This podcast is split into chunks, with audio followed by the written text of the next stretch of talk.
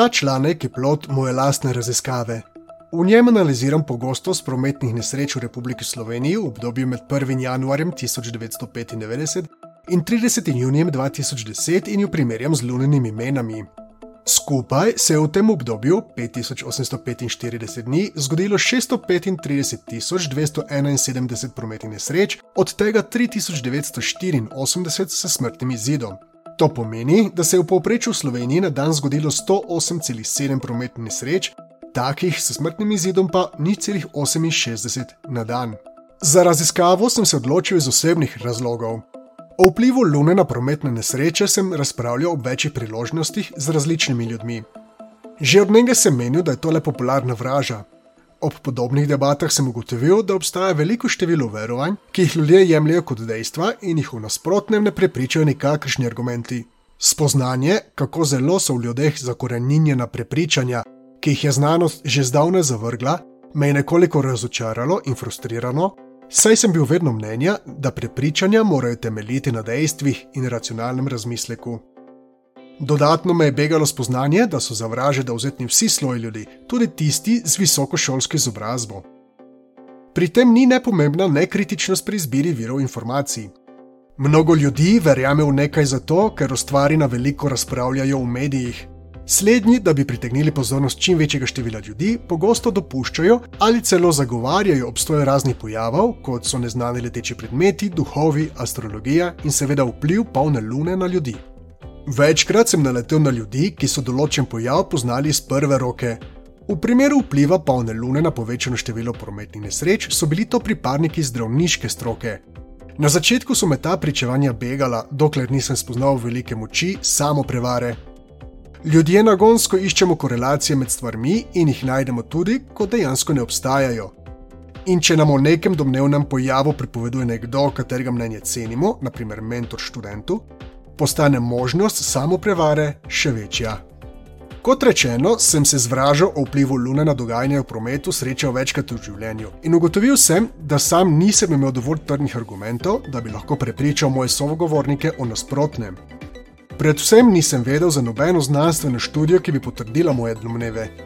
Ta nemir je v meni rastel, zato sem se odločil to domnevno povezavo preveriti na edini način, ki lahko poda nedvoumen rezultat z znanostjo.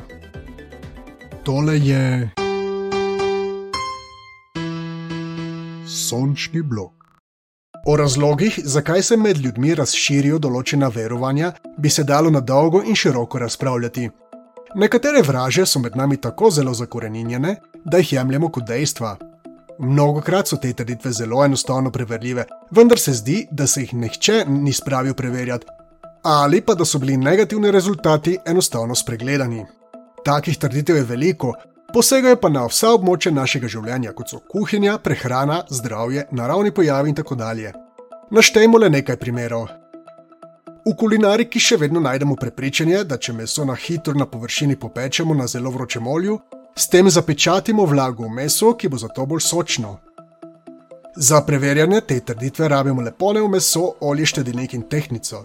Izkaže se, da se teža mesa, ko je bilo le to najprej na hitro popečeno na vročem olju, po termični obdelavi, kuhanju, cvrti in tako dalje, zmanjša enako kot takrat, ko mesa najprej ne popečemo. Zmanjšanje mase je posledica izgube tekočine v mesu, kar pomeni, da slednja nikakor ne ostane zapečatena v njem. V Mehiki obstaja popularno prepričanje, da če v guacamole, omako, ki je narejena pretežno iz avokada, damo avokadovo koščico, omaka ne bo potemnela, oksidirala. Za preverjanje te trditve rabimo le uro. Meritve nekaterih kulinaričnih zanesenjakov so pokazale, da guacamole z ali brez koščice potemni enako hitro. Vprašamo se lahko, zakaj nobena od milijonov mehiških gospodinj, ki dnevno pripravljajo guacamole, tega še ni ugotovila. Tudi pri nas v Sloveniji najdemo prepričanja, ki jih je sodobna znanost ovrgla. Tako so ljudje včasih mislili, da se netopiri zapletajo ljudem v lase in da ježi po noči sesajo mleko kravam iz vimen. Skoraj univerzalno je prepričanje, da noji dejansko porenajo glavo v pesek, ko jim grozi nevarnost. Industrija, ki prodaja ustekleničeno vodo, pa poskuša ljudi prepričati, da je na dan res treba spiti vsaj liter in pol vode.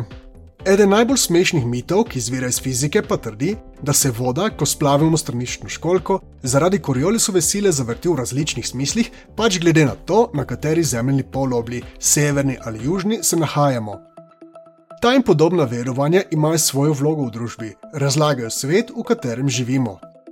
V preteklosti so si družbe razlagale svet z miti, v katerih so večinoma glavno vlogo igrale nadnaravne sile, Znanost se od metodologije raziskuje po tem, da svet raziskuje metodično, ter da se poslužuje edino le naravnih razlag.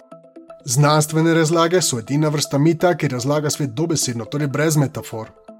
Nadnaravno v znanost ne spada, saj le to ni preverljivo. Če bi znanstveniki v svoje delo vnesli možnost nadnaravnih razlag, o čemer so se glasno pritoževali nekateri kreacionisti, bi znanost hitro zašla v slepo ulico, vse napredek znanosti pa bi se ustavil. Znanost je zato tudi zelo konzervativna, kar se tiče novih spoznanj in odkritij. Znanstvene razlage morajo biti preverljive in večkrat preverjene, in to se strani večjih znanstvenikov ter znanstvenih skupin. Bolj kot trditve znanstvenikov odstopajo od nekega ustaljenega znanstvenega prepričanja, bolj morajo biti podkrepljene s trdnejšimi ter številčnejšimi dokazi. Izredne trditve torej kličejo po izrednih dokazih. Če bi se na primer pojavil nekdo, ki bi trdil, da obstaja rdeča kapica ali snežni človek, bi njegove trditve močno odstopale od nekega splošnega prepričanja med znanstveno srednjo. Zato bi, če bi želel, da bi njegova odkritja bila sprejeta v znanstveni skupnosti kot kredibilna, za nje moral predstaviti goro trdnih dokazov, poleg tega pa bi moral tudi napovedati, kje in kdaj bi morali biti drugi znanstveniki zmožni opaziti ta ista bitja. Po drugi strani je nemogoče, da bi njegovi nasprotniki dokončno dokazali neobstoj rdeče kapice oziroma snežnega človeka. Tega preprosto ni moč storiti, tega od znanstvenikov zato ni moč zahtevati. Vendar poanta znanosti ni v tem, da dokazuje neobstoj vseh lunatičnih idej, ki se v družbi pojavljajo, temveč da morajo biti ideje same znanstveno preverljive. Dokaze morajo torej priskrbeti tisti, ki ideje zagovarjajo. Ideji, za katere obstaja dovolj indicev in dokazov, da postane sprejemljiva za širšo znanstveno skupnost, pravimo hipoteza. Če hipoteza lahko zadovoljivo celostno razloži nek naravni pojav, če z njo lahko napovemo bodoča znanstvena odkritja, in če je hipoteza večkrat neodvisno uspešno preverjena, dobi status znanstvene teorije. Zahtev za to, da neka ideja postane teorija, torej veliko. Po drugi strani obstaja termin teorija tudi med širšo javnostjo, ker pa ponavadi pomeni kakršno koli idejo, ki se poraja komorkoli. Ljudje veliko krat ne ločijo med obema konceptoma, kar s pridom izrabljajo šarlatani, kot so naprimer astrologi in kreacionisti. Predvsem slednji so naprimer v ZDA poskušali v šole upeljati pravilo, da bi učitelji biologije učencem obvezno razlagali, da je teorija revolucije samo teorija. Take trditve so se pojavile tudi v Sloveniji in sicer v e-gradivu biologija, pozneje pa so bile zaradi pritiska znanstveno sveščene javnosti umaknjene. Ideji o vplivu lunenih mej na prometne nesreče bi lahko rekli teorija v popularnem smislu, nikakor pa to ni znanstvena teorija, niti hipoteza. Ni namreč dovolj, da veliko ljudi verjame, da Luna vpliva na število prometnih nesreč in to kljub temu, da so o tem prepričani tako zelo spoštljivi ljudje, kot so to zdravniki, Njihova mnenja, vtisi ter življenjske izkušnje niso znanost in torej ne morejo služiti kot osnovo za potrjevanje nekega domnevnega naravnega pojava. Teza o povezanosti nesreč in lune je danes zlahka preverljiva, predvsem zaradi dostopnosti podatkov o prometnih nesrečah. Ker ta teza ne temelji na ničemer konkretnem, je lahko rečemo vraža. Vraže ne temeljijo na racionalnih razlagah in dokazih, zato si avtor tega članka ne dela otvar, da bo s svojim delom prepričal vse vernike v njo upa pa, da jih bo sprevrnil vsaj nekaj. Statistični vzorec. Definicijo prometne nesreče poda 134. člen zakona o varnosti cestnega prometa. Prometna nesreča je nesreča na javni cesti ali nekategorizirani cesti, ki se uporablja za javni cestni promet, v kateri je bilo udeleženo vse eno premikajoče se vozilo in je v njej najmanj ena oseba umrla ali je bila telesno poškodovana ali je nastala materialna škoda. Uporabljeni podatki o prometnih nesrečah v Sloveniji zajemajo obdobje od 1. januarja 1995 do 31. junija 2010 in so objavljeni na spletnih straneh Policije Republike Slovenije. V statističnih datotekah so navedene posamezne prometne nesreče skupaj z njihovo klasifikacijo glede na posledice, datumom, uro ter drugimi indikatorji. Na voljo so tudi datoteke, ki vsebujejo statistične podatke za posamezno leto. Zanimivo je, da podatki v statističnih datotekah, ki vsebujejo popis posameznih nesreč, ne sovpadajo s statističnimi podatki za leta 2005, 2006 in 2007. Tako statistični podatki navajajo, da se je v teh letih zgodilo 43.113, 31.569 in 30.401 prometna nesreča, bodi si smrtnim izidom, s telesnimi poškodbami ali z materialno škodo. V izvornih statističnih datotekah pa je skupno število nesreč za omenjena leta 54.162, 55.542 in 50.945. Zakaj je prišlo do te razlike med statističnimi datotekami in podatki, mi ni znano. Vendar sem za analize primoran uporabljati statistične datoteke, saj je v njih navedeno, kdaj so se posamezne nesreče zgodile. Za namen študije sem analiziral podatke o prometnih nesrečah v Sloveniji v obdobju od 1.1.1995 do 30.6.2010, ki so dostopni na spletnih straneh Policije Republike Slovenije. Za luni namene sem uporabil podatke US Naval Observatory. Prva slika v tem prispevku prikazuje število prometnih nesreč v omenjenem obdobju. Posamezni grafi prikazujejo od zgornjega navzdol skupno število prometnih nesreč, število prometnih nesreč brez telesne poškodbe, B, s hudo telesno poškodbo, H, z lažjo telesno poškodbo, L, s sledjo poškodbe, P, s smrtnim izidom, S, ter brez poškodbe, U. Kot vidimo, so se kategorije skozi leta spremenjale, kar je najbolj očitno pri kategorijah P in U. Edini kategoriji, ki se nista spremenili skozi leta, sta skupno število prometnih nesreč ter prometne nesreče s smrtnim izidom. Že na prvi pogled je jasno, da število nesreč v nobeni izmed kategorij ni konstantno. Zdi se, da se pojavljajo kvazi periodična nihanja, da obstajajo dnevi, ko je število nesreč bistveno više od povprečja. Prav tako vidimo, da je med leti 2005 in 2007 prišlo do znatnega povečanja števila prometnih nesreč. Lunine mene. Luna je edini zemljini naravni satelit.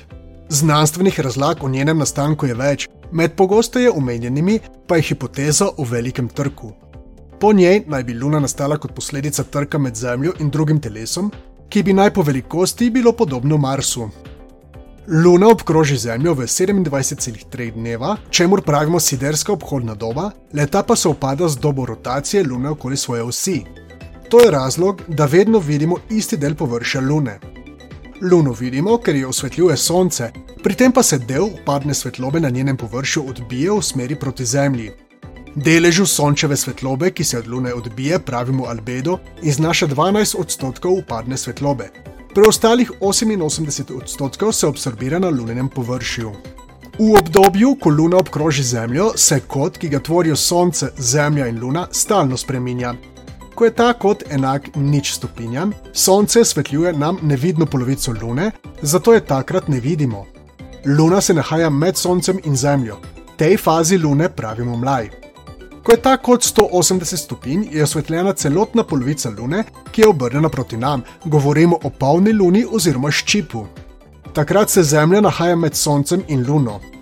Ko pa je ta kot 90 oziroma 270 stopinj, govorimo o prvem in zadnjem krajcu.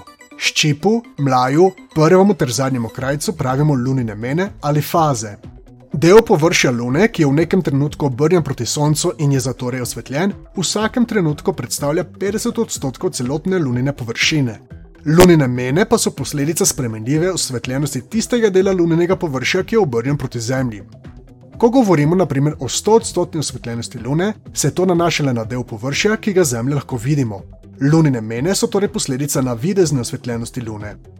Ker se med eno sidersko dobo Zemlja premakne glede na Sonce, je obdobje med dvema zaporednima lunenima menama, naprimer med dvema mlajama, enako 29,5 dni. Temu v astronomiji pravimo sinodska perioda. Leta je osnova za časovno enoto, ki pravimo mesec. Rezultati. Slika, ki jo lahko vidite, prikazuje število prometnih nesreč v odvisnosti od navidezne osvetljenosti Lune.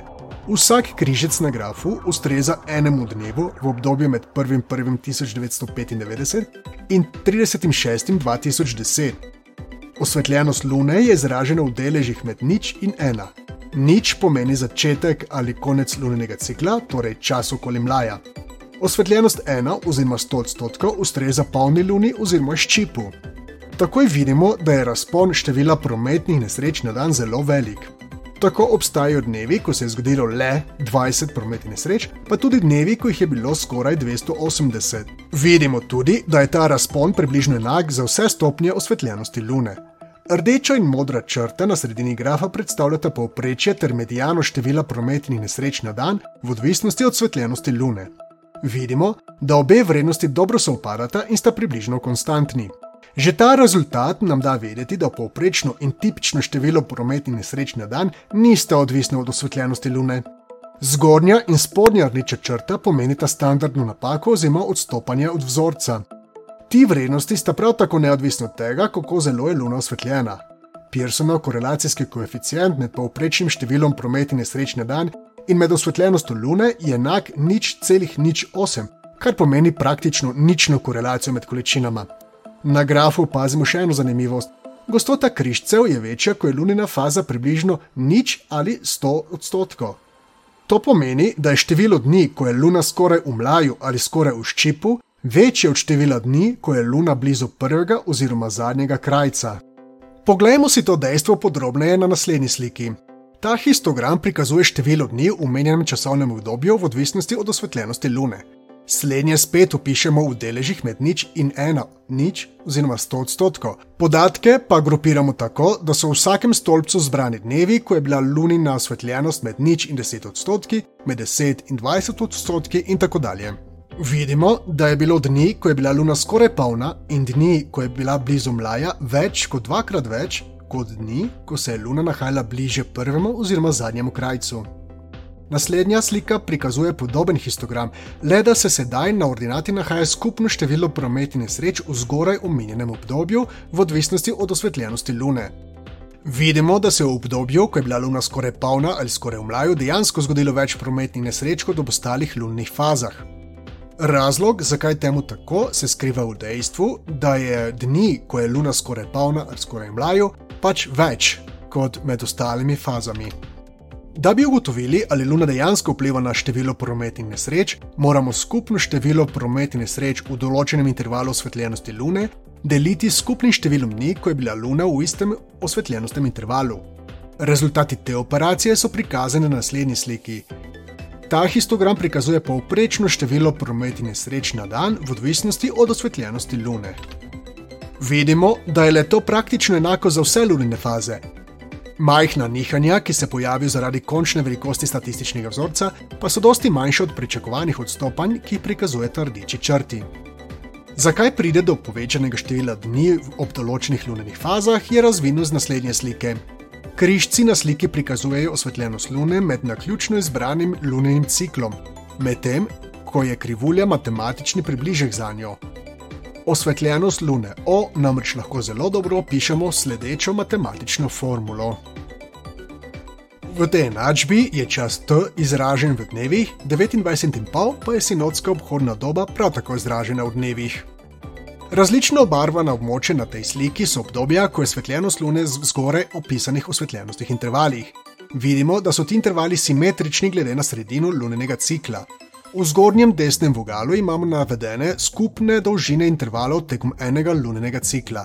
Takoj vidimo nekaj. Število dni v enem lunenem ciklu, ko je luna skoraj polna, osvetljenost med 90 in 100 odstotkov, to je temno rumena barva, oziroma ko je luna skoraj v mlaju, med nič in 10 odstotki, siva barva, je 6,1 in je dosti večje od števila dni, ko je luna v bližini prvega ali zadnjega krajca. To je posledica dejstva, da se osvetljenost lune v bližini svojih ekstremov, maksimum in minimum, spreminja počasi. Oboroženi s tem znanjem zdaj lahko sklepamo na izvor vraže, da Luna vpliva na število prometnih nesreč. Predstavljamo si, da dežuramo v urgenci katere od bolnišnic v Sloveniji. Dogajajo se prometne nesreče in rešilci celo noč dovažajo poškodovance. Sveda se nesreče dogajajo tudi po dnevi, vendar se takrat bolj poredko spomnimo na to, da bi preverili lunine mene. V statistikah, ki so predstavljene v tem poglavju, so zajete nesreče, ki so se zgodile tako po dnevi kot po noči. Ker smo že kdaj slišali, da Luna vpliva na število prometnih nesreč, pogledamo proti nebu. Verjetnost, da bomo ugledali skoraj polno Luno, je dosti večja od verjetnosti, da bomo videli prvi ali zadnji krajec. To specifično noč je bilo število prometnih nesreč lahko zelo majhno ali zelo veliko, kot vidimo na sliki 4. V dolgih letih dežuranja se bomo navadili pogledati proti nebu vedno, ko bo število nesreč nadpovprečno veliko. Verjetnost, da bomo videli luno skoraj polno, je spet nadpovprečno velika. Navadili se bomo povezovati polno luno z nadpovprečnim številom prometnih nesreč. Dni, ko je bila luna polna, nesreč pa ni bilo veliko, si ne zapomnimo. Verjetnost, da bo luna, ko bomo pogledali nebo v mlaju, je enaka, kot da bo v ščipu. Vendar, ker takrat na nebu lune ne bomo videli, prav tako ne bomo ustvarili umetne korelacije med mlajem in povečanim številom prometnih nesreč. Čez dolga leta si torej ustvarimo prepričanje, da Luna vpliva na število prometnih nesreč in sicer tako, da je teh ob polni Luni več. Zaključek. V tem prispevku sem ugotavljal morbitno korelacijo med lunenimi menami in številom prometnih nesreč z namenom, da bi potrdil ali ovrgel vražo, ki pravi, da je nesreč ob polni Luni več. Analiziral sem podatke o številu prometnih nesreč v obdobju med 1. januarjem 1995 in 30. junijem 2010, ki so na voljo na spletni strani Policije Republike Slovenije. Za lunine mene sem uporabil podatke US Naval Observatory. Ugotovil sem sledeče. V omenjenem obdobju se je zgodilo več prometnih nesreč, ko je bila osvetljenost lune taka, da je bila skoraj v mlaju, mlada luna, ko se je ne vidi, ali skoraj v ščipu, polna luna. Število dni, ko je Luna skoraj v mlaju ali ščipu, je večje od števila dni, ko je Luna skoraj v prvem oziroma zadnjem krajcu. To je posledica dejstva, da se osvetljenost Lune spremenja počasneje, ko leta znaša skoraj 100 odstotkov oziroma približno nič odstotkov. Poprečno število prometnih nesreč na dan je enako za vse stopnje osvetljenosti Lune oziroma za vse njene mene. Korelacije med poprečnim številom prometnih nesreč na dan in lunimi menami ni. Nisem našel nobenega indica, da bi Luna kakorkoli vplivala na število prometnih nesreč. Sončni blok.